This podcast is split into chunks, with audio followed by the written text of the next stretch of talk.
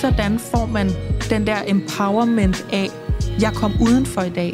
Jeg tog til noget med mit barn, selvom jeg var bange, selvom jeg var udmattet. For mig der var det bare plain and simple voksenkontakt. Jeg skal have voksenkontakt. Bare sådan, der er faktisk en hel masse kærlighed i det her rum til mig. Det er der. Jeg ved det. Det er sejt at være smadret. Velkommen til MomKind podcast. I den her episode, der skal vi tale om barsel. Er vi vilde med det? Er vi ikke vilde med det? Er vi et sted midt imellem, og er det skamfuldt at sige, at man ikke elsker at gå hjemme med sin baby? Vi har nemlig fået en besked fra en mor, som føler sig enormt skamfuld, fordi hun ikke er særlig begejstret for at være på barsel. Hun keder sig faktisk. Hun har ikke nogen længsel efter at lave en hel masse aktiviteter med sit barn. Hun savner andre voksne, tæller timerne mellem babyens lurer og glæder sig til at komme tilbage på arbejde. Så det er altså den røv, vi barberer i dag, havde jeg sagt. Barslen, kan vi lide det, kan vi ikke lide det? Og er det skamfuldt at sige, at man måske ikke kan lide det? Er det ikke en ged, man barberer? Jamen, jeg synes bare røv, det var mere sådan, der var mere svung i det. Ja, det, vil jeg, det skal jeg lige love for, når vi røv. Godmorgen, nu laver vi podcast, Godmorgen. ikke også? Og det panel, der sidder her og fniser, fordi jeg siger røv ind i mikrofonen, det er Silja Eriksen og Christina Sander. Velkommen til jer to. Tak. Tak. Silja, du er jo mor til Mogens på 3,5 år. Det er rigtigt. Hvad er morstatus? Mors status er, at jeg ved, jeg- at jeg har sådan en øh, lidt, øh, en sådan lidt trist stemning i mit bryst, fordi min, ikke, det er ikke noget alvorligt, men det er bare sådan, øh, den der følelse af, at mit barn er ved at blive større. Ja. Det er ret øh, basic, men det er sådan ægte, sådan, det der, når han tager min hånd, og han sådan lige putter sin hånd op i mit hår, og sådan, så bliver jeg bare sådan helt wow. Og sådan, jeg ligger og synger for ham længere, end jeg skal, så han er faldet i søvn, fordi jeg bare ligger og kigger på ham og sådan noget. Det er sgu vildt nok. Kæmpe kender. Det er så vildt. Ja. Han er sådan stor. Han ligner sådan en stor dreng. Og har det så, så vildt over det. Ja. Ja. En, rigt, en rigtig person, et menneske. Ja, en rigtig person. Det betyder også, at jeg selv er blevet ældre, og der er noget, tiden har ændret sig og sådan noget. Det er Ja. meget sådan eftertænksomt for mig for tiden. Jeg har faktisk lige været i den der følelse der, så du genoplever den lige i mig. Jeg synes også, Ja. ja. mit, altså min er jo to og en halv, ikke? Ja. Men, Ja. men øh, ja, kæmpe kender på den der. Ja. Ja. Christina Sander, Ja. du er jo øh, mor til Marlon på tre, mm. og Uma og Calvin på et år. Mm. Morstatus? Jamen, øhm, de der tvillinger, de er meget forskellige. Der er en, som sover fantastisk, og så er der en, som sover hamrende dårligt. og ham, øhm, ham arbejder jeg lidt med om natten. Altså, vi har nogle lange nætter sammen lige for Ja. tiden. Jeg ved ikke, om det er noget tierspring, eller noget vuggestuestart, eller noget med ørerne, eller tænder, eller en blanding. Nej.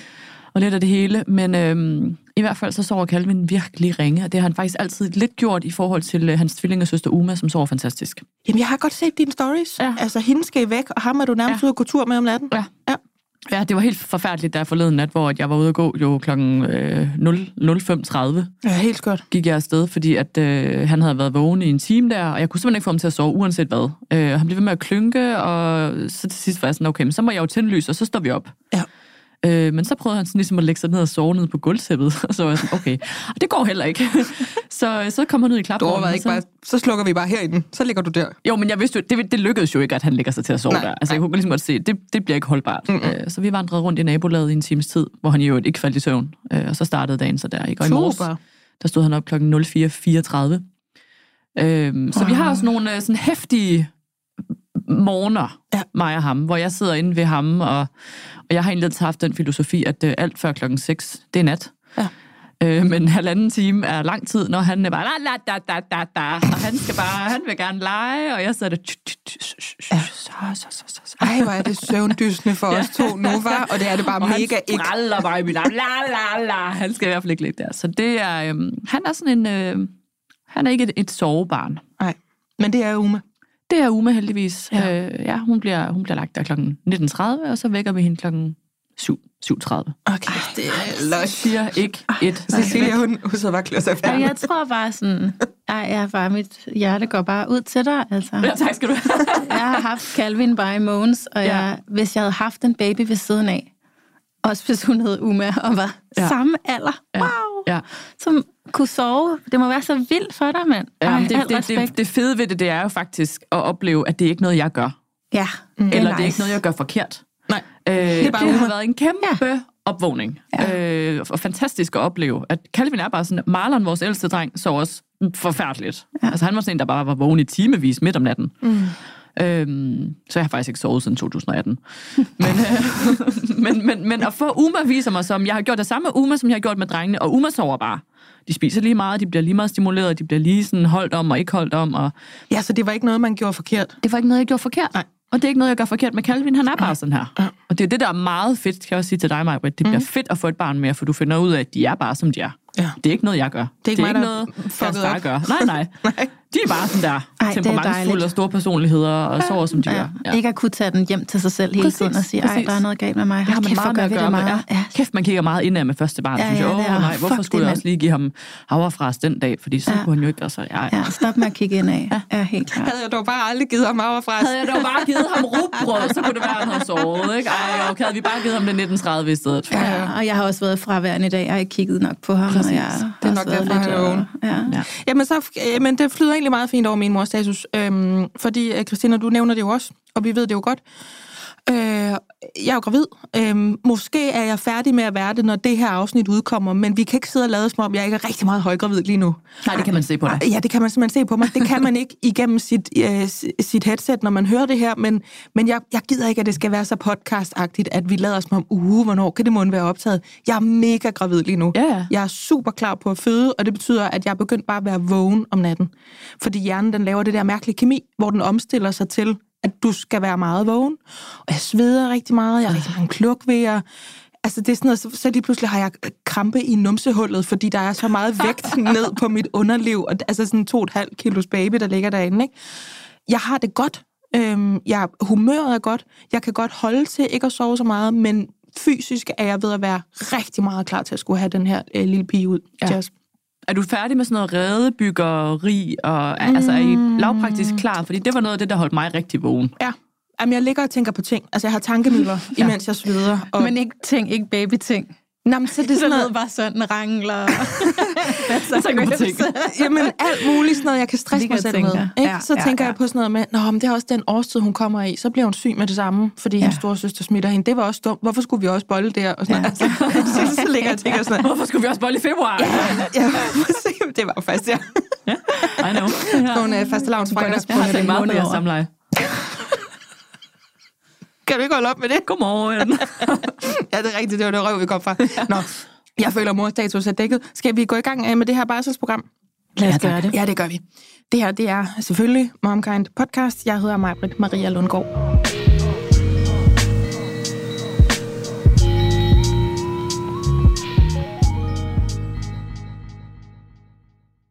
Denne episode af MomKind Podcast er sponsoreret af Puri. Og jeg har jo tidligere fortalt om, hvordan jeg er blevet glad for deres vitaminer.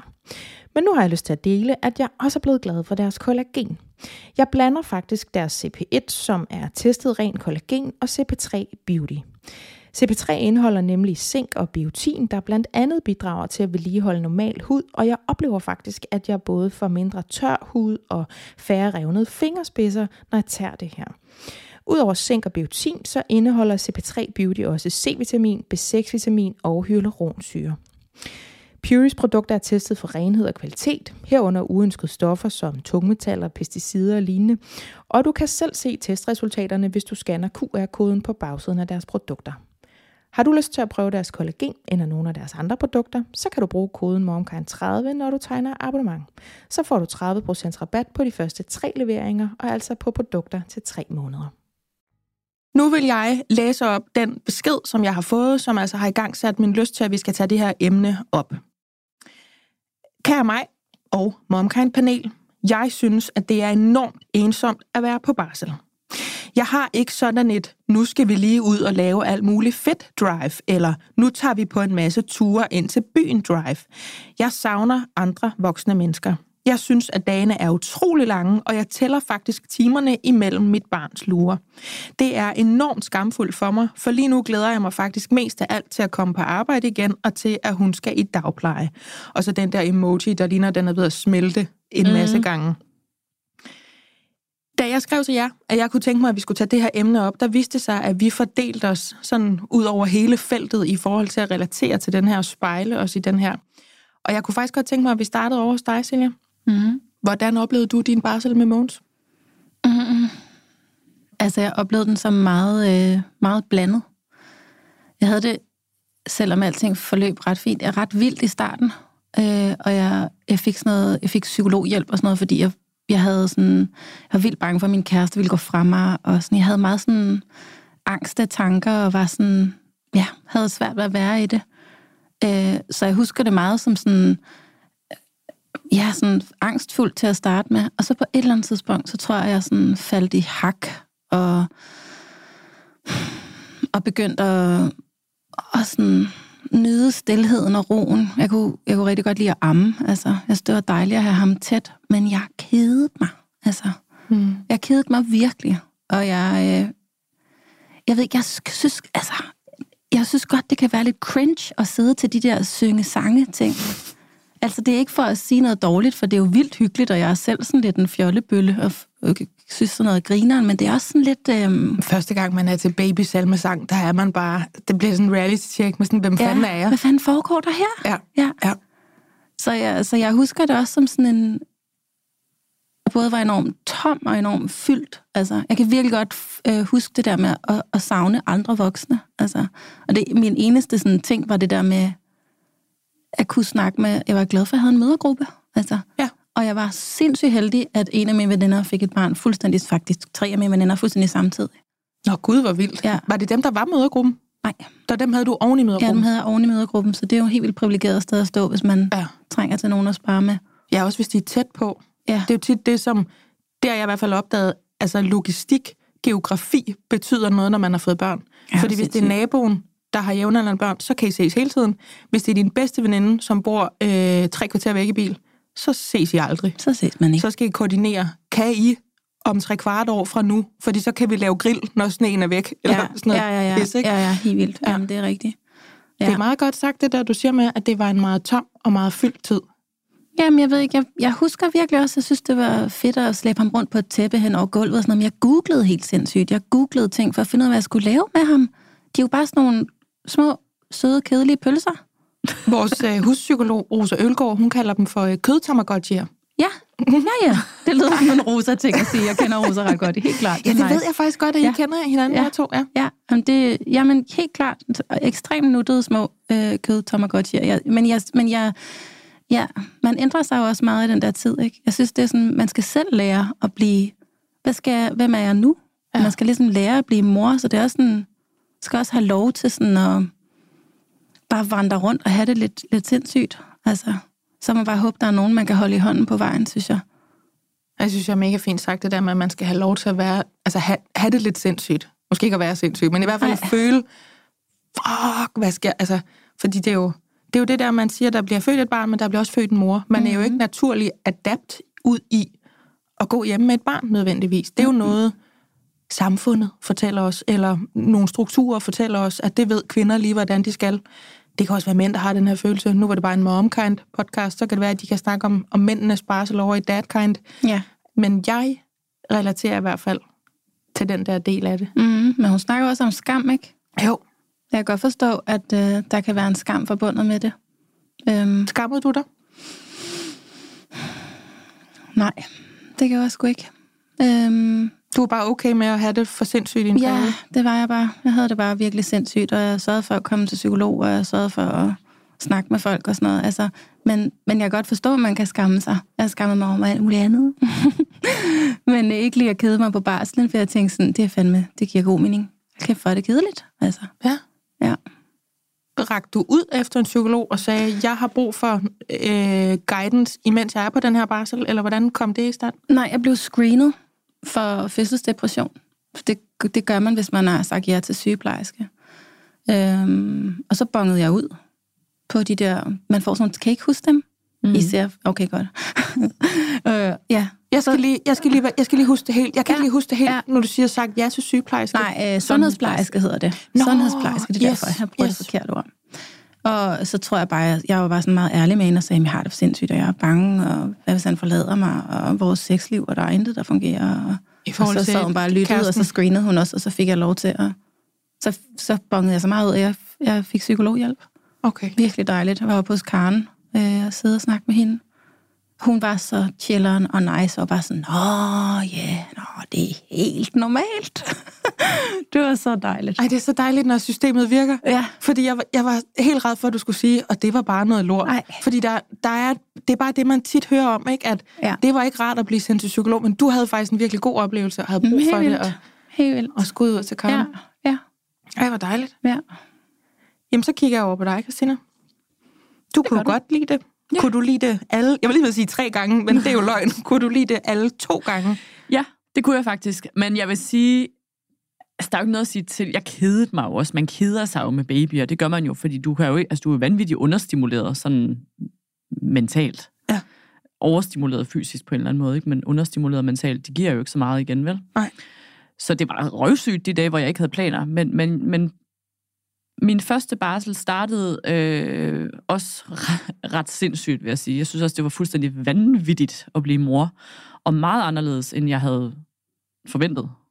Og, og, og, og, og faktisk fortrød jeg tusind gange, at vi havde fået et barn, for jeg synes, det var så horribelt at være mor og have et barn. Og øh, altså, jeg var sådan, hvad har vi dog gjort ved vores liv? Og nu er han her jo for evigt. Han går aldrig væk igen. Og, og det, var, det, det føles fuldstændig øh, sindsoprivende at det der barn lige pludselig var dumpet ind i vores liv. Altså, jeg fortrød alt. Hvad skete og der så? amningen kørte af lort. Jamen, så skete der det, at jeg kom i en mega god mødergruppe, øhm, hvor at, øh, de også kæmpede med amning. Og deres børn skreg. Og ja, første De havde gang... heller ikke noget parforhold, der fungerede. Nej, ingen havde parforhold, der fungerede jo. Altså, og alle var bare sådan, what the fuck is this? Og I lignede alle sammen lort også. Ja, og vi kom hjem til Helene. Første gang, vi skulle mødes, så får man jo bare sådan en adresse, og I skal hjem til Helene, hun bor her og her. Øhm, og jeg var sådan, åh, det der mødegruppe. Jeg havde egentlig hørt, mange havde valgt det fra, så jeg var sådan, åh, hvad er det nu for noget, ikke? Ja. Og kommer hjem til Helene, øh, som den dag i dag også er en af mine rigtig gode veninder.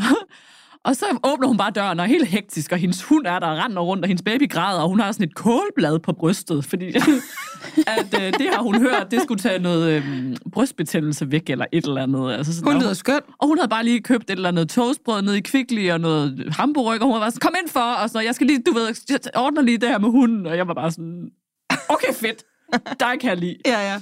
Øh, og så fortalte hun en helt fantastisk historie om, at hendes øh, kæreste var vågnet den morgen øh, op, og så havde han haft hendes kålblad altså klistret fast til sin ryg. For det var bare faldet af i løbet af natten. Og fra det øjeblik, så vidste jeg bare sådan, det her det bliver for fedt. Ja. Altså det her, det er for fedt. Og det der med at nyde sin barsel, det føler jeg er meget bundet op på, om man enten øh, har venner eller bekendte øh, tæt på, som også har fået børn samtidig, som du også siger, Silja, eller om man formår at møde nogen i det der barselsrum, mødergruppen, eller baby salmesang, eller rytmik, eller whatever man går til. Ja. Så man gider at være sammen med som voksen, som du faktisk ville gide at hænges ud med, selvom I ikke havde børn, der var samme alder. ja. Og det var lidt det, min mødergruppe var for mig. Fordi jeg har lavet planer hver eneste dag. Og det er måske også lidt relateret tilbage til den der besked, som hun har skrevet. Altså, jeg ville have dødet. Død dot. jeg ville have dødt af det indvendigt. Hvis ikke jeg havde haft mulighed for at lave øh, så mange planer hele tiden. Med mødergruppe, og vi gik til baby signing, som stadig til dato er mit største sådan, what the fuck øjeblik. Hvad for noget var det? Baby signing, det er sådan noget, hvor det er sådan tegn til tale, hvor, hvor babyerne skal lære, for eksempel. Nå. Så, Det er sådan noget, det er rigtigt. Jeg prikker mig i håndfladen, jeg vil godt Ja. have mere. Ja, Præcis. præcis. Fordi det nu er har jeg jo rigtigt. faktisk fået et barn, som har lært det. Men Fordi det, det er jo Uma, jeg har set gøre det der. det er, Uma, det der kun kan, derfor, jeg ved det. er det. kun Uma, der kan det, ikke? Ja. Uh, Wonder Child. Nej, Marlon gik jeg til uh, baby sign sammen med, og han lærte aldrig et eneste tegn. Men jeg gik sammen med min mødergruppe, og vi havde det for grineren. Og hver gang vi kom ud derfra, så var vi bare sådan, hold kæft, hvor er det her latterligt. Altså, hvor vi grinede, og vi havde det for fedt. Altså, øhm, og det var det der, det har reddet mig begge barsler. Jamen, jeg sidder og tænker, det var da helt... Altså, de skal da have en medalje, de kvinder der. Og det er jo tvillingemøder, du blev øh, peget op med der. Ej, det var også det første gang, gang. det der. Nej, det var meget Ja, det var min første, Ja, ja. det var min første øh, øh, sundhedsplejerske givende mødergruppe, Det er rigtigt, ja. som jeg stadig ses med den dag i dag. Men i forhold til, at du siger det her med, at vi fortrød, og det var horribelt at være mor, så kom der øh, mødergruppen med, med Marlon, tildelt af sundhedsplejerske, og så blev det bare mega godt, og du havde lyst til at lave ting, og I gik til... Men det, der skete der, det var, at mine øh, forventninger blev justeret. Nå, fordi du jeg, så dem. jeg så normaliteten ja. I det, jeg var i. Ja. Og det er jo det, der er problemet, når man går og, og venter sig sit første barn. Så har man en eller anden typisk idé om, hvordan det her det kommer til at blive. Og jeg har også flere gange sagt i den her podcast, jeg troede bare, at baby skulle ligge og sove, svøbt over hjørnet, og vi skulle spise Tex-Mex i sofaen og have det for chilleren. Ikke? Og sådan blev det bare overhovedet ikke. Nej. Han skulle altid spise. Han skulle altid ammes, når, når jeg lige havde sat mig ned med noget mad, og han græd, og amningen gjorde mega ondt. Jeg havde det forfærdeligt med det der amning i rigtig lang tid. Altså halvanden måned, hvor det bare var horribelt. Ja. Så jeg synes virkelig, det var mega sløjt at være på barsel. Indtil jeg mødte den der mødergruppe af sådan en samling fremmede kvinder, som også bare kæmpede. Og de var heldigvis grinere end mennesker. Så altså, jeg havnede bare. Jeg følte bare, at jeg landede i sådan en mega blød, blød sofa. Og de sad bare der med alle deres uperfektheder, og de var ikke bange for at dele ud af det. Og kæft, hvor har du været heldig. Ja, Ja, det lyder men det er fedt. derfor, jeg nogle gange også har sagt i den her podcast, mødergrupper er sindssygt vigtige, hvis de kan det, de skal. Ja. Jeg synes også, det er super vigtigt, hvis folk ligesom tør at have en eller anden form for maskefald. Ja, og sådan, man skal nemlig tillade Ja. ærlighed og Ja. upolærethed. Ja, og man må næsten sige, at den, den, der holder det første gang, skal købe toastbrød og hamburg. Ja, altså, og du ved, den, man må mere. ikke bage boller. Nej. Altså, Nej, der, du må ikke få den der knytnæve af hjemmebag ud Nej, i ansigtet. nej. Og du skal stå med kålbladet Ja. i BH'en, når du åbner. Og Jeg skal ikke dufte en kanelsnegl på 10 km afstand. Altså, det, og det skal næsten være for gammel maden. Jeg kan næsten ikke Ja. beskrive, hvor vidunderligt det var for mig at komme ind der. Altså, at bare være sådan... Og jeg havde endda sådan været i bade, kan jeg huske, og jeg havde taget mig op på, fordi jeg tænkte sådan... Jeg havde måske en lille smule mindre maskefald, faktisk. ja, ja, helt klart. Helt klart, ja, ja. Det var klart jeg Helenes skyld, at det hele bare sådan... Ja. Jeg, altså, jeg husker den der dag så tydeligt, første gang jeg mødte dem. Jeg var Ja. ja. bare sådan... Jeg kunne sidde her for evigt med jer. Jeg havde det så godt. For første gang i 3-4 måneder. Ja. Eller hvor gamle de nu er, når man Jeg mødes første under gang. fortidsdig det så meget, Ja. ja. men jeg er også mega misundelig på fortidsdig. Ja. Fordi jeg frasagde mig en mødergruppe. Hvorfor det? For, jamen først af egen kraft, fordi jeg synes også, det var så svært at blive mor. Og så havde jeg den der øh, bryskhed i mig, som var, så jeg har ikke brug for at komme ud, ikke også at blive spejlet mm. af nogle kvinder, som bare øh, ja, laver kanelsnegl, ja. eller det du sagde, ikke? Mm. Øhm, så jeg sagde nej tak, fordi jeg havde ligesom brug for at sidde og skamme mig selv over det. Øh, på det tidspunkt, der var det bare, fordi jeg synes, det var svært, og jeg synes, det var voldsomt, og jeg kunne slet ikke forstå, at det var meningen, man skulle kunne fungere på så lidt søvn og med så meget gråd og alt det der. Altså, jeg var virkelig chokeret af min grundvold. Og så med tiden blev det jo så også en umulighed, fordi så kom corona. Mm. Ellen er jo fra øh, 2. januar øh, 2020, så der var jo lige halvanden måned øh, til landet lukket ned, da hun øh, blev født. Øhm, og så, så var det jo ikke, altså, så var det ikke engang teoretisk mulighed længere, så ville det være sådan noget med, vi kan sætte jer op sammen på Teams, eller vi kan Nej, gøre nej, ikke nej. noget. Ja. Altså, så, så det, Super. var, det var lige meget, ikke? Øhm, så jeg sidder egentlig lidt og har sådan en, hvis ikke det er en aha-oplevelse, så er det måske mere en uha-oplevelse af, Mm. jeg har nok snydt mig selv for noget, hvis jeg havde fået en mødergruppe som den, du havde. Fordi jeg tror omvendt, havde jeg fået den, som jeg frygtede, så var jeg blevet banket endnu længere ned mellem ja. kulbrædderne, ikke? Så man kan sige, lige så godt som den der mødergruppe kan være, lige så slem kan den være på en eller anden måde. Men hvis kan den det, mig, Britt? Er det ikke bare en- noget, vi er bange for? Fordi Det kan godt hvem, ske. altså, vi har jo forskellige ressourcer, det skal man også huske i det her. Nogle mennesker har mange penge, nogle mennesker har øh, en mand, som godt kan lide at være rigtig meget op om natten. Nogle mennesker trives bedre med at være op om natten, som du siger, øh, mig, Britt. Altså selvfølgelig er det både og, men vi er Ja. bare forskellige. Mm.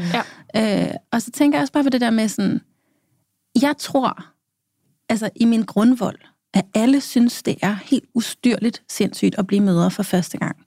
Jeg kan ikke andet end at tro, altså jeg ved godt, der er nogen, der har det, og bare synes, det er fantastisk og meget lettere og whatever, men det må på en eller anden måde være, man får lige skrællet nogle lag af, lige meget hvem man er. Jeg kan ikke tro på andet. Men, men enig, det er bare selve... Altså, det er næsten værre, hvis man så sidder og putter med det. Fordi, ja. fordi den slags kvinder kender jeg også, hvor jeg, hvor jeg får at vide på bagkant, efter jeg for eksempel har udgivet en bog, eller så har skrevet en klumme, eller så har lavet en podcast, eller hvad det nu er, hvor de så siger, jeg havde det faktisk også sådan. Og så er det, jeg skal virkelig finde den store dag med i mig og sige, er det rigtigt? Ej, hvor er jeg glad for, at du kunne bruge det og det til noget. I stedet for at sige, mm, det synes jeg er stramt, fordi dengang, da jeg sad og græd på stuegulvet, der sagde du ikke lige, altså der kom du ikke og spejlede mig. Kan du følge mig? Ja, helt klart. Og så er det også, fordi jeg jo, jeg jo taler rigtig meget med kvinder om det her, så jeg taler jo netop også med dem, der får tildelt af sundhedsplejersken, mødergruppen i området, hvor man kommer ud, og så ved man godt, når man klikker sig ud igen i opgangen, og skal ned og have fat i barnevognen, jeg kommer nok ikke igen, fordi det var egentlig ikke så rart. Eller det var mere, at vi sad og blærede os lidt over for hinanden, eller mm. som Christina siger, det var ikke nogen, jeg måske ville have hængt ud med, hvis vi ikke havde børn. Selvfølgelig skal man lære folk at kende, ikke? Men, mm. men, men jeg hører altså eksempler på begge dele. Ah, så, helt klart. så når jeg hører om kvinder, der åbner døren med et kålblad på babsen, så bliver jeg bare sådan helt, wow, den, mm. den mødergruppe skal nok have chancen denne her gang. Det fik altså, den det synes jeg helt klart. Ja. Altså, jeg gjorde jo så det øh, anden barsel, øh, hvor det var med tvillinger, at jeg fik også en almindelig, altså den almindelige mødergruppe, som også har været rigtig god. Ja. Øh, men opstøvede faktisk selv en tvillingemødergruppe. Øh, via sådan en gruppe på Instagram med tvillingemødre, hvor der, jeg kunne se, der var nogen, der havde termin nogenlunde samtidig med mig, og så skrev jeg simpelthen til dem privat. Øh, de bor inden for en radius af 20 km fra vi bor. Mm. Om de havde lyst til, at vi mødtes, øh, når alle vores babyer var ude, og var klar til det, ikke? Så hvad, du, du stoppede i den tildelte gruppe? Nej, jeg havde begge to. Nå. Mandag og onsdag gik jeg fast i mødergruppe. Men så er det jo så, at jeg har lyst til at drive os lidt videre i den besked her, vi har fået fra Louise, fordi du havde jo så i hvert fald lyst til noget. Altså, du havde jo en kæmpe drift ud af huset til alt muligt. Det skrev Louise, det har hun ikke. Mm-hmm. Det havde jeg faktisk heller ikke. Mm. Det betød så også, at jeg ikke var ude og få de der aha-oplevelser, og, og ikke var ude og sidde og, og klappe til salmesang og tænke, hvad, hvad, hvad er det her? Altså, jeg var ikke til babysvømning. Jeg var ikke til noget som helst, fordi jeg skulle bare ligesom sidde og prøve at, holde styr nok på mig selv og på aspekt 2, og, og prøve måske at have en halv time uden ekstrem gråd i ørerne og sådan. Den anden dag, der var der også en, der skrev ind i Facebook, Momkinds Facebook-gruppe, om der var nogen, der havde noget god inspiration til, hvad man kunne lave, mens man var på barsel, fordi hun synes, hun var kørt lidt fast, og hun synes, det var svært at bestemme sig for noget, når man slet ikke havde nogen energi, og hvad vi ville anbefale, og hvad vi havde gjort. Ja, det er et godt spørgsmål. Og så skrev jeg, øh, jeg gik til 0 ting, øh, 10 out of 10, would recommend, fungerede perfekt. Mm. Og så kunne jeg godt mærke på folks reaktion på det, at det var egentlig meget dejligt befriende, at det kan man også vælge, hvis man vidderligt ikke har energien eller lysten til at lave noget andet. Men sagen var jo den, som jeg tror også lidt er tilfældet for Louise, som har skrevet her, jeg havde jo faktisk lyst til at have lyst. Altså jeg gad jo faktisk godt, at jeg gad at gå rundt om søen med den der babyjogger i de gode sko, og med tokokaffen, og med podcasten i ørerne. Jeg gjorde det bare ikke. Men det er jo også, altså, for mig lyder det lidt som om, altså nu går jeg også lidt ind og tolker på nogle ting, som jeg ikke aner noget om, men Prøv. kedsomheden opstår jo også i det rum. Ja.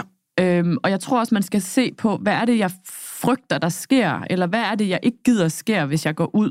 Jeg falder i søvn på gaden.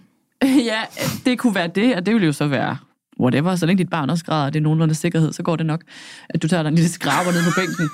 Men, men det, som jeg mere tænker, det er, at nogen er sådan, frygter lidt, at de skal have grædende babyer, eller skrigende babyer i mødergruppen, eller skrigende Ja. babyer til babysalmesang, eller skrigende babyer til rytmik, Ja, eller jeg. på en eller anden måde sådan, stå i en situation, hvor du stresssveder lidt. Ja. Øhm, og, og der vil jeg så bare sige, det får du. Det er der nogle gange. Og det skal man bare tillade, fordi mm. det er jo barselsaktiviteter. Altså, hvis ikke du kan skrine baby i en mødergruppe, eller i til rytmik, eller til, til babysvømning, hvor fanden skulle du så have skrine babyer hen? Altså, Ja. Så jeg, tror virkelig, man skal sådan... Man skal justere lidt på forventning til ens babyer, øhm, og hvor slemt det er, at de skriger. Altså, jeg kan selvfølgelig godt forstå, at man har øh, kolikbabyer, eller Mm. babyer, som øh, jeg havde, vi havde en i den første mødergruppe der, hvis baby var rigtig, rigtig ked af det, og græd rigtig, rigtig meget, fordi de havde store, store problemer med amningen. Øhm, og jeg kan godt forstå, at det er mega, mega, mega hårdt, fordi du faktisk ikke taget del i samtalen, for du står og vugger den der baby i 100 år, ikke? Ja. Og det er mega, mega hårdt. For mig, de gange, hvor jeg har prøvet det, at jeg har en skrigende baby, eller to skrigende babyer fra start til slut, så har jeg stadig følt, at jeg er kommet ud, jeg har set nogle andre mennesker, jeg har sagt, er der nogen, der lige gider at hjælpe mig? Er der nogen, der lige gider at holde den her? Altså sådan, du er simpelthen nødt til at komme ud over din facade. Kontrol. Kontrol. Ja. Slip det. Tillad, at du kommer ud og er uperfekt, og din baby skriger, og du sveder, og du lakterer, og mm. Mm. bløder, græder, whatever. Mm. Gør det i selskab med nogen, fordi, og, og det er nemlig lige præcis det der med det der maskefald. Du er også nogle gange nødt til at være den, der gør det først. Og så kan du jo forvente, at nogen de matcher det, eller spejler det, eller at opleve, at de ikke gør det. Og så kan det godt være, at det ikke er dem, du skal bruge tid med. Men du er nødt til at sådan tillade dig selv også at blive uperfekt. Det der stressved, som du lige sagde der, den, den, det blev sådan helt... Uh, blev bare lige revet to år tilbage i tiden. Silja, har du prøvet det, mens du var på barsel med Mogens? Stå i den der situation, hvor man godt ved, lige om lidt, så kollapser alt det her, og så begynder jeg også selv at græde, og mit hjerte hamrer, og jeg er helt våde håndflader, fordi jeg er så ængstelig over, nu, nu brænder lokummet, nu gik det galt, hvorfor blev jeg ikke bare derhjemme? Jamen, jeg, jeg, jamen, jeg er helt vildt mange gange. Altså, jeg kan bare jeg kan mærke det i kroppen. Jeg kan se mig selv udefra stå sådan, sådan helt trykket sammen omkring min baby og, og amme på, midt på Frederiksberg, sådan ud til Frederiksberg Allé på en vindeltrappe, jeg har fået møffet mig ind på, på en eller anden måde, hvor jeg ikke rigtig kunne sidde, og blev ved med sådan at sidde og få ballen ned forkert, og have brysterne ud, og det var vinter, og lige efter så sked han ud over det hele, og ej, men altså seriøst, det var fuldstændig sindssygt. Jeg, ikke noget, jeg, jeg, jeg havde glemt blæer eller vådservietter, og, bla. og det skete 100 gange. Men øhm, jeg kan også se, nu jeg tager mange billeder af mig selv, jeg kan også se, at jeg havde det sjovt på de der ture. Jeg kan se, at jeg lyser på en eller anden måde. Jeg er sådan udenfor. Ja. Altså, man skal ikke underkende, hvad luft kan gøre for mennesker. Altså, en ting er inter- interaktion med andre mennesker, men bare sådan det der med sådan, jeg kan noget. Ja. Jeg kan fandme, jeg kan tage de her gummirøjser på, og så kan jeg skride ud i verden. Det er jo sådan en eller anden, åh, altså, jeg synes også virkelig bare, at man skal blive derhjemme, hvis man har brug for det. Men jeg synes, du har så ret, og jeg får næsten lyst til at, at, at klappe i hænderne, fordi det er sådan den der sådan, ja mand, vi kan godt noget, og vi kan godt, vi kan godt have det sindssygt i det offentlige rum. Altså, Jamen, det, er kan vi nemlig, det. det er den der, som jeg også sådan sidder og krabber mig hen på. Nogle gange, når man ser sådan en amerikansk øh, motivationssnak øh, på, på øh, YouTube, det kan man jo have brug for fra tid til anden, det kan jeg i hvert fald, så er der altid nogen, der siger på et tidspunkt, show up before you're ready. Altså, mød op, mm. før du er klar. Gå i gang med det, du gerne vil, fordi du bliver aldrig klar, underforstået, ikke? Mm. Så måske man netop bare skal sige, at du, kommer, du kommer nok til at skide mig ned af maven, lille baby. Du kommer til at skrige halvdelen af tiden. Vi kommer ikke til at kunne nogen af de salmer. Det kan godt være, at der ikke er nogen af de andre møder, der forstår os, eller som vi lige umiddelbart klikker med, men jeg skal øh, have gummirøjserne på at skride ud i verden, Silje. Mm. Jeg må ud og opleve jeg. noget, jeg må mærke mig selv, og så må jeg, nu er jeg lige ved at sige tvinge, men det kan jeg egentlig ikke lige at sige, så må jeg øhm, insistere på over for mig selv, at selvom jeg dybest set ikke føler, at jeg har energien til det, så kunne det være lidt ligesom at tage i, i fitnesscenter. Man får energi af at være der. Det kan godt være, at man ikke har det, når man slæver sig selv derhen, men man får det af at være der. Ligesådan får man den der empowerment af, jeg kom udenfor i dag. Jeg tog til noget med mit barn, selvom jeg var bange, selvom jeg var udmattet. Jeg fik mig en oplevelse. Jeg så nogle andre mennesker. Så godt være kun noget at høre 20 sekunder podcast, og så klapsede du min Togo-kaffe ud af hånden på mig, og hvad der nu skete. Men jeg gjorde noget. Jeg tog et initiativ, og det belønner min hjerne mig for. Mm. Og hvad kan jeg også godt selv lide? Hvad er det egentlig, jeg har lyst til? Altså, Lige præcis. Det tænkte, jeg sad lige præcis og behøver ikke tænkte gå det til samme. fucking salmesang Nej. og svømme bedut. Jeg var det en gang, det var røvsygt. Og der er sikkert andre, der har elsket det. Ja, jeg elsker altså, det selvfølgelig. Ja, man, når man, når man, når man, du kan gå babybio, tage din veninde med, eller mødes med nogen, du kender, eller bare gå en tur ned og køb den lækre is, som du godt kan lide. Eller, Ja. altså, Ja, eller man kan købe en Nutella-lavkage, og så sætte sig med en ven og to skeer. Ja, ja. Det kunne da Det også være. Men det er jo også fordi, barsel er jo en super drænende periode på vildt mange områder. Du bliver drænet på søvn, og du Det får ikke det. spist ordentligt, og dit parforhold halter. Det er jo derfor, vi ikke kan overskue det. Man, kan man kan jo godt det. forstå hende Og det er jo derfor, det er så mega vigtigt, Ja. at man i den periode, i lige præcis den periode, at man går ind og undersøger sig selv, hvad kunne give mig energi nu? Ja. Under de forhold, vi Det lever under godt. lige nu, hvad vil så kunne give mig energi? Ja. Og for mig, der var det bare plain and simple voksenkontakt. Ja. Jeg skal have voksenkontakt. Jeg skal have grineren kvindekontrakt. Så det Kontrakt. skal... Øh, kontrakt, kontrakt. Så, så lo- når Louise hun skriver, at hun blandt andet er skamfuld, fordi hun savner andre voksne mennesker, så er det kun så naturligt, og bestemt ikke noget, hun skal skammes over. Det synes jeg er sindssygt menneskeligt. Altså, Ja. sådan, for, jeg har lyst til at sige, sådan tror jeg, alle har det. Det vil måske Ja, næsten være lidt creepy, hvis hun ikke savnede at interagere med andre voksne mennesker. Det må man, altså, det må man, man- også godt. jeg, jeg, ikke savne. jeg synes, alt er okay. Jeg er slet Ja. ikke noget, men, men, jeg tror, hvis man har det sådan der, at man savner voksenkontakt, mm-hmm. men alligevel ikke har lyst til at gå til noget, så skal man lige nå at mærke efter, hvad kommer det her af? Hvorfor har jeg ikke lyst til at gå til noget? Hvis jeg savner Ja. voksenkontakt, ja. hvorfor har jeg så ikke lyst til at gå ud og møde nye voksne? Er det fordi, at jeg er bange for, at min baby skriger? Ja. Eller skider? Ja. Eller at øh, et eller andet, whatever, at jeg ikke kan orke, At eller at jeg er andre- dårlig til at snakke, eller at jeg ikke kan huske, hvad de har sagt. De eller... andre møder synes, der, synes, at jeg er uvasket, og at, øh, min baby øh, øh, kan jeg ikke finde ud af at tage mig af, og øh, alt det der. Ja. Ja. Det skal man lægge fra sig. Det synes jeg virkelig. Og jeg synes, man skal, det synes jeg, vi sådan kollektivt skal tage en beslutning om, at vi fjerner vores øh, facader og vores glansbillede, når vi er nybagte mødre. Det, det vil være så dejligt for andre kommende nybagte mødre, ikke at skulle øhm, spejle sig i, i noget, der faktisk er falsk. Mm.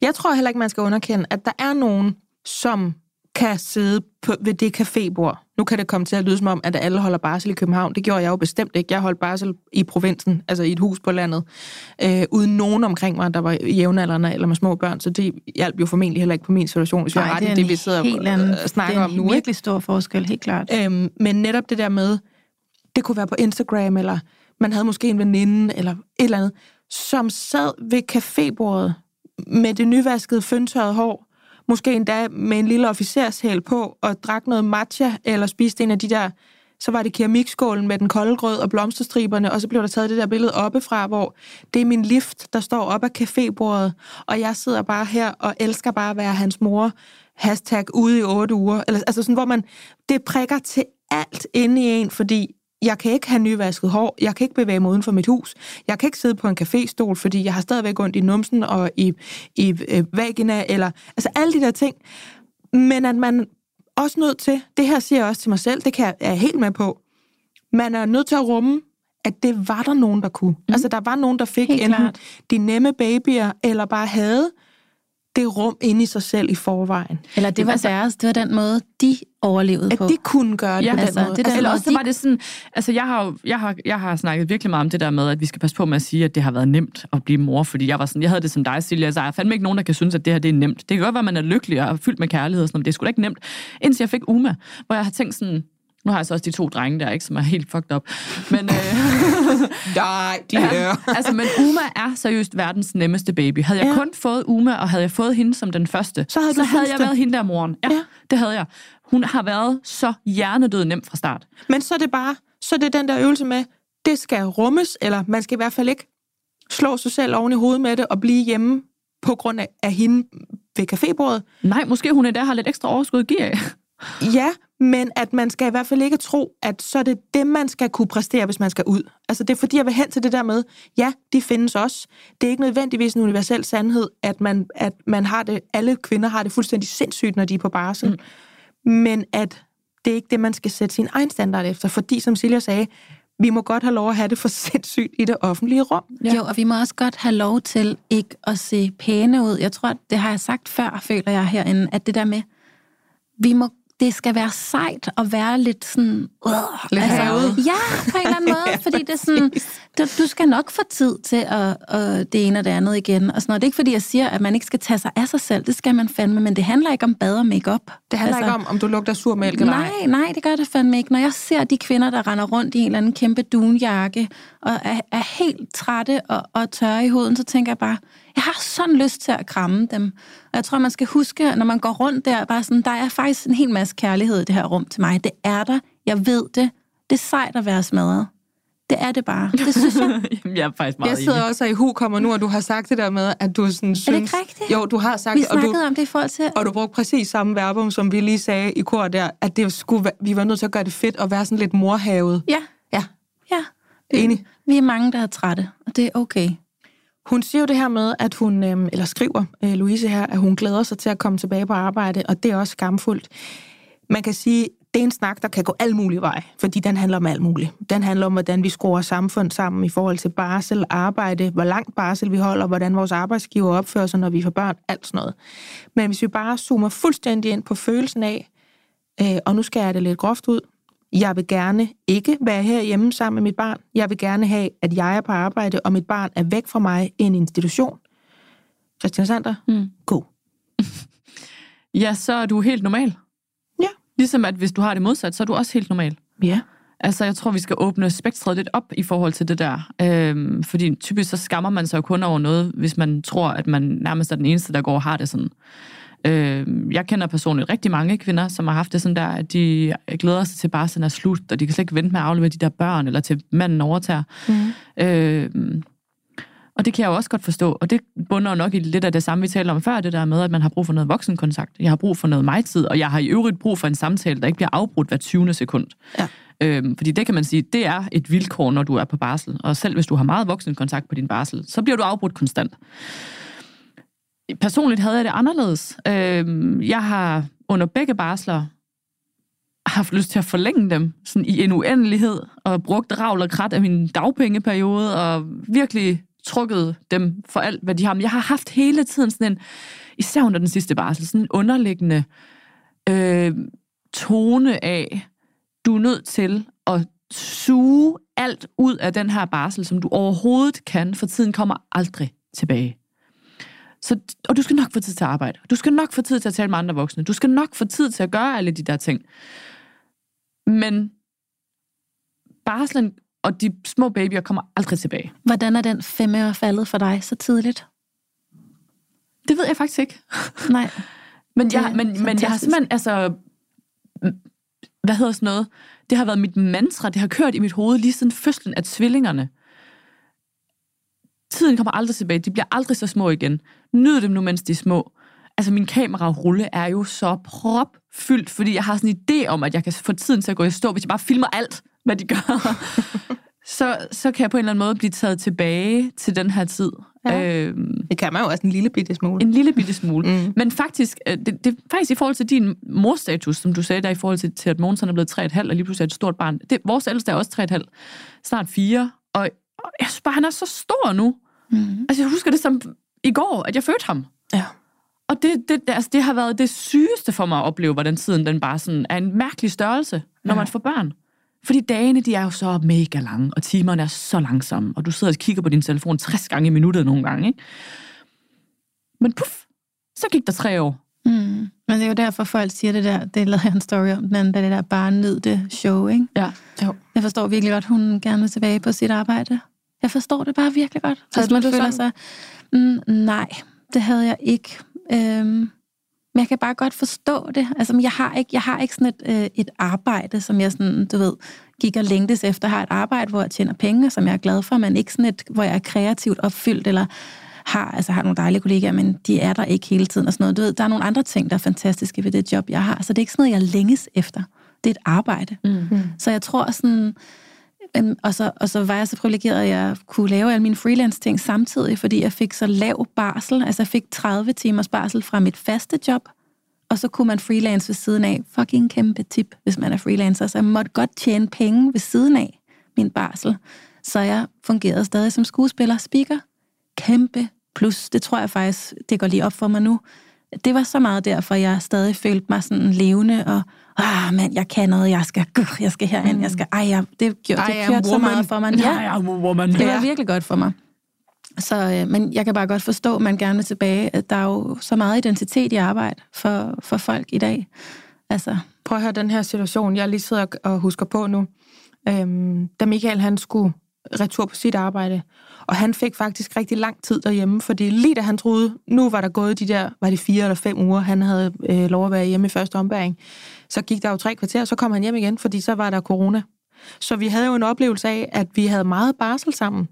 Da de så begyndte igen med kontorerne rundt omkring, jeg har sådan en mand, der tager en attaché-mappe med, når han øh, skal på arbejde, det er min modsætning rent arbejdsmæssigt, så kan jeg huske, at jeg stod ude i entréen, altså sådan, og blev ved med at følge efter ham, og stod ude på verandaen til sidst, og sådan duftede det der spor af, at han havde været i bad, og han havde aftershave på, og han havde kraftet med også strøget en skjorte, og han sådan satte bilen i gang, og sådan stod og sagde, sådan, kommer du tilbage? Eller, Ja, ja, altså, det det, var jeg sådan helt... det. Jeg kunne, stemme. jeg var fuldstændig den der med sådan, og du har også været i bad. Fuck dig. Altså sådan Men- helt... Fordi ja. jeg stod bare der, jeg tror bare, jeg stod med sådan babserne ude, og fordi det kunne være lige meget at pakke dem ind, eller sådan. Jeg var, jeg var så langt væk i det der headspace, og det, hvis der sidder nogen, der er i tvivl, og hvis Louise, som har skrevet til os, sidder er i tvivl, jeg var ikke særlig imponeret over at være på barsel. Der var lysglimt, øhm, fordi jeg elskede mit barn langs ad, har jeg lyst til at sige, for det var fandme svært for mig. Og hun var en svær baby. Hun havde ikke kolik, men hun havde næsten kolik. Så det, det var meget udfordrende det første halve år. Øh, der var lyspunkter, men hvis jeg kunne have krydret det med måske nogle voksne at tale med, eller noget spredt arbejde, ligesom du gjorde, Silja, eller med en god kommende veninde med kålblad på babserne, det havde været en gave for mig. helt klart. Fordi så havde jeg ikke siddet og skulle lyve, jo faktisk lidt. Når der så engang imellem kom sådan en, en omgang veninder øh, inden fra byen, alle dem, der ikke havde børn, så havde de tømmermænd, når de kom ud til os. Så kunne jeg se, om der var noget mere der, jeg ikke kunne længere. Jeg kunne ikke ligesom... Altså, jeg kunne ikke føre en samtale, jo. Det, det havde jeg ikke hjerne til. Så havde jeg helt det der armehjerne, man siger, ikke? Jeg kunne heller ikke sådan være, være med til de ting, vi lavede i gamle dage. Jeg kunne jo ikke drikke og ryge og danse og alt sådan noget, for jeg var jo mor, så jeg sad jo derhjemme. Jeg kunne heller ikke have været med på den der restaurant, de var på, og jeg skulle heller ikke med videre til det museum eller teaterstykke, eller hvad det nu var, øh, de skulle, og hvorfor de ligesom ankom og, og forlod øh, huset i samlet trop. Så det blev mere sådan et frisk pus, der gjorde pisse ondt Mm. på en eller anden måde. Giver det mening? Mm. Super Så sad jeg der sådan med, altså på pilatesbolden med en brændende lænd, og følte bare, at, at jeg var nærmest sådan blevet ikke nogen. Altså bare hende, der lugtede af sur mælk. Men det lød også ensomt, Det var det også. og det tror jeg rammer så mange af os, øh, Ja. af, af os der sådan, synes, det er blandet, eller synes, det er rigtig, rigtig svært. Det er den der ensomhed, som er... Jeg prøvede at være hende, der sådan, nu laver jeg noget grød, og så kan du ligge her i babynæsten imens, eller hvis det var nogle flere måneder hen, så kan du sidde i den her stol imens, eller du kan kravle ned på et tæppe imens. Så prøvede jeg sådan at ligne det, jeg synes, det vel skulle være mm. at være på barsel. Mm. Altså jeg havde sådan en idé om, at jeg kunne se mig selv udefra. Eller sådan. Jeg prøver lige det her, se Jeg om det virker. Jeg prøver lige at gøre det, jeg Ja. tror, man vel skal blive. Eller Ja. sådan, ikke? Jo. Og det virkede ikke. Det vidste min hjerne og min krop jo godt, at det var jo ikke det, jeg havde lyst til. Nej. Og det var ikke fordi, nu kom det måske til at lyde, som om jeg havde lyst til at stå på dansegulvet på Crazy Daisy. Det var 100% ikke det, jeg havde lyst til. Jeg havde bare lyst til at mærke mig selv. Og jeg havde lyst til ikke at kede mig, og ikke at være så øh, ude af hægterne.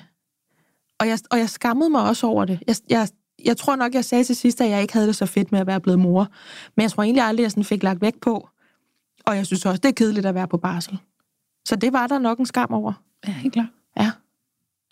Men jeg tror også, at øh, fordi det, det gik lige op for mig, øh, det der med veninder, altså veninder, man har haft, før man gik på barsel, og, og ens forhold til dem, når man så får et barn, især hvis de måske ikke har børn. Øhm, og det har vi også talt om i et tidligere afsnit, at, at rigtig mange af mine venskaber øh, var og er stadig på standby. Skråstreg måske stoppet. Det må tiden vise. Men, øhm, og det har nok lidt været af samme grund, som du beskriver der, at de gange, jeg så så dem, efter jeg var blevet mor, mens jeg var på barsel, og de kom forbi øh, med deres tømmermænd, eller deres øh, Tinder-historier, eller hvad, hvad det var. Ja, altså, det var altid nogen, der lige havde været på date Ja, dagen ja. for inden. Altid. Og der følte jeg nogle gange, at jeg sådan lidt skulle begrave min morness. Ja. Eller sådan, jeg kunne ikke... Øhm, altså, det der barn var sådan lidt mere bare et forstyrrende element. Og alle de tanker, jeg havde om barnet, og vores liv som forældre, og mit liv som mor, og alle de ting, jeg skulle rent lavpraktisk som mor, det skulle sådan helst lidt falde i baggrunden, fordi nu skulle jeg indtræde i den rolle, i den venindegruppe, eller i det venskab, som jeg havde før. Og det har været sindssygt svært for mig. Altså, det, jeg kan ikke begrave det her livsomvæltende, alt overskyggende, det er at blive mor. Nej. Og jeg kan ikke skjule mine børn. Altså, og jeg kan ikke lade som om, at, at det ikke er det eneste, der fylder i mit hoved. Also don't want to. Also don't want to. Jeg ville da gerne være den Christina, som jeg var før. For jeg kan godt huske, hvordan hun var. Vi havde det grineren. Men der er kun morting i mit hoved nu. Hmm. Og, øhm, og, og, og det havde jeg bare sindssygt svært ved at være i det rum, fordi jeg følte sådan, okay, hvad fanden snakker man om? Hvad, fanden, hvad, hvad kan man så sådan, huspriser eller vejret? altså, hvad snakker I om? Hvad snakker I andre om? Du ved, jeg sad virkelig sådan og grænskede min hjerne, og jeg var virkelig sådan, okay, hvad fanden var det nu, de fortalte sidst, vi sås? Altså, jeg kan virkelig ikke huske det. Hvad var det nu, han hed? Hvad var det nu, han det, hed? har, det har ikke interesseret mig. Mm. Jeg har været fuldstændig alt opslugt, og det er der også en skam i. Der er en skam i ikke at kunne tale om andet end sit barn Mm. og sit moderskab. Ja, særligt hvis man jo internaliserer det. Altså hvis man, hvis man ikke hviler i, jeg er godt nok moragtig, var. Det er nok, fordi jeg lige er blevet mor. altså hvis man sidder og har den der, hvorfor er jeg ude af stand til at føre en samtale? Mm. Hvorfor kan jeg ikke huske, hvad det er for en jobsamtale, du har været til? Hvorfor kan jeg ikke huske, hvad det er for en europæisk storby, du har været i? Men Hvorfor jeg kan jeg ikke huske, sindssygt hvad grineren, din det der. Tinder-date... Jamen, Hvis man kan grine af det sammen, så har man jo vundet. Altså, ja. Det er jo lidt ligesom kulbabsen og alt det der. Sådan, jeg tror, Men det er Altså- det, jeg føler, at, at, at, at de veninder, i hvert fald som jeg havde på det tidspunkt, eller måske den person, jeg var på det tidspunkt, der var vi bare ikke der, at det var sjovt. Altså, jeg følte virkelig, at det var hårdt arbejde at ses med dem. Mm. Så jeg skiftede bare hele flokken ud med, med nybagte mødre. ja, jeg forstår. Nu sagde jeg det der før med, at nogle gange, når man ser sådan amerikansk øh, motivational speak øh, på øh, YouTube, så siger de, øh, show up before you're ready. Så er der også nogle gange nogen, der siger, find your tribe. Altså, find din flok. Er det i virkeligheden Ja. det, vi, si- altså, fandt du din flok, Silja, da du kom ned fra den der vindeltrappe der, og du, var, du skammede dig ikke, fordi du, du havde bare sådan en, en indgroet accept af, jeg må gerne have det for sindssygt i det offentlige rum. Men Ja. havde du, øh, havde du en, en tribe omkring dig med andre mødre, der havde det for sindssygt, eller hvordan? Øhm, jeg synes i hvert fald, der var en to-tre stykker i den mødergruppe, som vi endte med at holde sammen. Der var også to-tre stykker, der faldt fra. Øhm, og jeg blev bare ved med at gøre det, jeg blev bare ved med at, at mødes med dem, fordi jeg tænkte, nå, nå, nå, der er ingen af dem, der har fået kejsersnit, der er ingen af dem, der er der, og det er lidt øh, det hele af måske, og sådan noget. Men så, så tror jeg bare, at jeg selv begyndte at snakke om, hvad jeg synes var svært, og så gjorde de det også. Ja. Og så fandt vi hinanden. Så man er ligesom nødt til at være den, der stikker hund på ballongen, hvis der ikke er nogen andre, der gør det. Prøv det af. Altså, mm. hvad har du at miste? Det er fremmede. Så helt klart, jeg fandt dem. Det var virkelig dejligt. Og så mine, mine veninder, som har været med mig. Og jeg sidder også og tænker på nu, når vi snakker om alt det her. Hvad vil jeg gøre nu, hvis jeg skulle på barsel? Ja, det var jo nemlig der, jeg altså, gerne ville og jeg, slutte. og jeg, sådan, jeg tænker sådan, jeg vil gerne fylde mig selv med noget mere kunst. Altså, jeg gad godt sådan tage min baby i en bæresel og gå på museum, hvis jeg, hvis jeg bor i en by eller er tæt på noget. Eller sådan. Det kan også være, at der er nogen, der har bygget nogle skulpturer i en park, du kan gå hen og se på. Jeg gad godt at åbne en bog lidt mere. Altså, jeg gad godt at lytte til noget klassisk musik, eller sådan berige mig selv med noget mere input. Altså det der med, sådan, at vi bliver så sådan... Altså på en eller anden måde er det sådan et meget smukt sted fra at opleve noget kunst, fordi vi er så åbne og så rå på det der tidspunkt, at bare sådan fylde sig selv op med noget mere sådan smukt og sigende på en eller anden måde. Det, det gad jeg virkelig godt. Det tror jeg, jeg vil gøre, hvis jeg skal have et barn mere. Kæft, det lyder flot. Jeg sidder, flot. jeg sidder og tænker det, på, det, så når- kan vi mødes, når, hvis der, det er. der, hvor jeg kommer fra, der er det måske mere sådan noget med, jeg kunne gå noget mere på Café Vivaldi. ja, det kan du da bare Jeg skal gøre. prøve det med de kålblade på brysterne. Der, der er ikke så meget skulptur derude, hvor jeg, der har vi mere flæskesteg sandwich og sådan et, et rødt tog. Men det er fuldstændig rigtigt, hvad du siger. Man er nødt til at finde Ja, ud af, tror, hvad det er, er der giver en Ja, hvad værdi mig og op? energi. Ja. Og, og det kan så være skulptur, eller det kan være Ja. flæskesteg sandwich. Ja. Og alt derimellem. Men man er nødt til at prøve at pinpointe det i sig selv jo.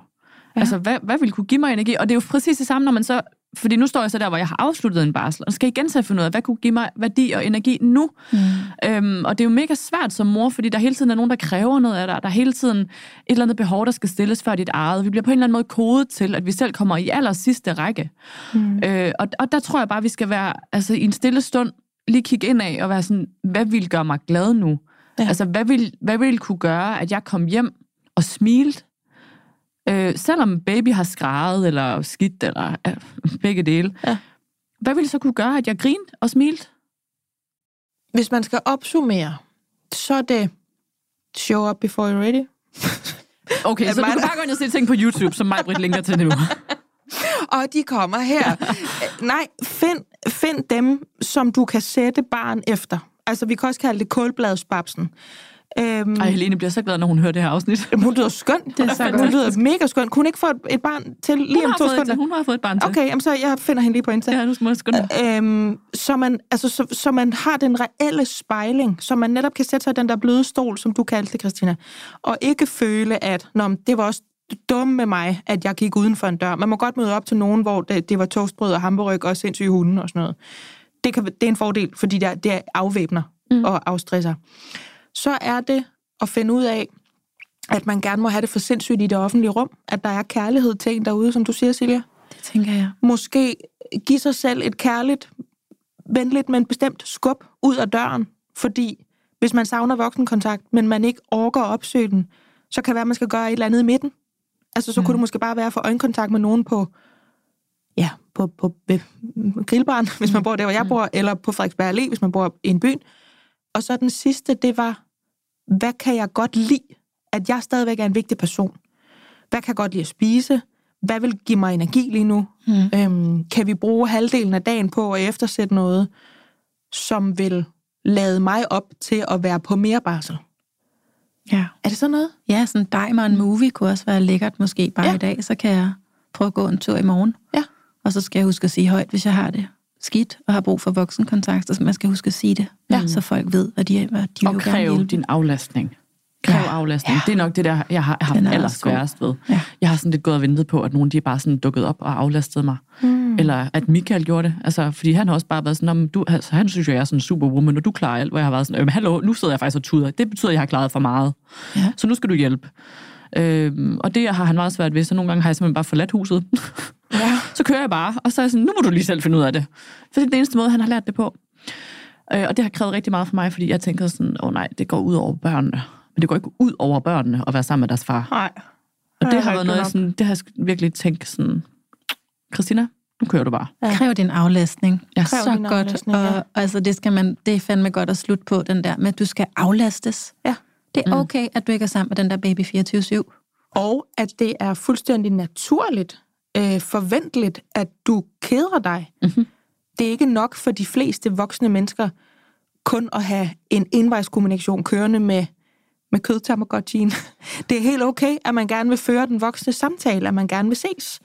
Øh, eller at man vil spise noget mad, der måske bare er en lille smule varmt. Eller have en form for personlig hygiejne. Eller... Ja, vi skal ud af den der idé om, at man den alderbofrende mor, der ikke spiser, ikke kommer i bad og aldrig sover, og sådan, At hun skal, kan blive dø, ved den med- idé. Altså. Ja, hun kan blive ved med at- have det dejligt på barsel, Ja, fordi vi det er kan jo godt ikke have dejligt. det lidt bedre, end den standard, ja. vi sætter. Ja. Det synes jeg helt klart. Vi må give os selv noget mere sådan... Hvis man, hvis man er i en position, hvor man skal give så ekstremt meget omsorg og opmærksomhed og kærlighed videre ned i det andet lille menneske hele tiden, så skal man også selv have noget af den. For ellers så kan man ikke kolportere den videre. Og hvis der er nogen, der lytter til det her, som ikke har fået deres første barn endnu, men som er gravide for eksempel, så vil jeg bare sige, lad være med at bede om lov til at gå ud og tisse. Lad være med at indføre øh, den uvane, for det gjorde jeg i starten. Så sådan, øh, kan jeg lige, øh, er det okay, jeg lige går ud på toilettet nu, eller må jeg godt lige gå i bad? Jeg skal nok lade være med at vaske mit hår. Altså, sådan var jeg under min første barsel. Ja. Og, det, og jeg fik det indført som sådan en latterlig dum regel, at jeg på en eller anden måde altid skulle bede om lov til alt. Det har jeg så stoppet nu. Ja. Jeg skal lige ud og skide. Hej hej. Kræv din skidning. Ja. ja. Jamen er det ikke, er det ikke Vi fint starter på røv, vi slutter på skidning. Smukt. Det er Men smukt. det, Louise, som har skrevet her, ved jo godt, hun har skrevet til mig. Ja. og til Momkind Podcast, ikke?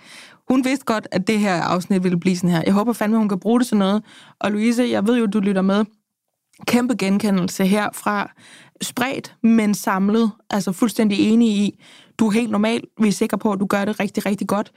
Og øh, show up before you're ready. Ej, men altså, Find your tribe. Du er nødt til at lukke ned fra YouTube. Også fordi så, så kører det over i sådan noget hej-videoer, og hvordan man laver sin egen vægpanel og sådan noget. Det kører jo bare, det der, ikke? Du bliver så klog. Jeg er så vågen om natten jo. Du ved I godt, det er jo min mors status, ikke? Nå, jeg synes, vi siger, at vi har svaret på det her spørgsmål nu. Mm. Og så vil jeg sige øhm, tak, fordi at I havde lyst til at være med i det her, øhm, jeg kan måske ikke rigtig lide at være på barsel afsnit. Mm. Og det var altså Christina Sander og øh, Silja Eriksen. Tak skal I have. Tak, mig, Britt.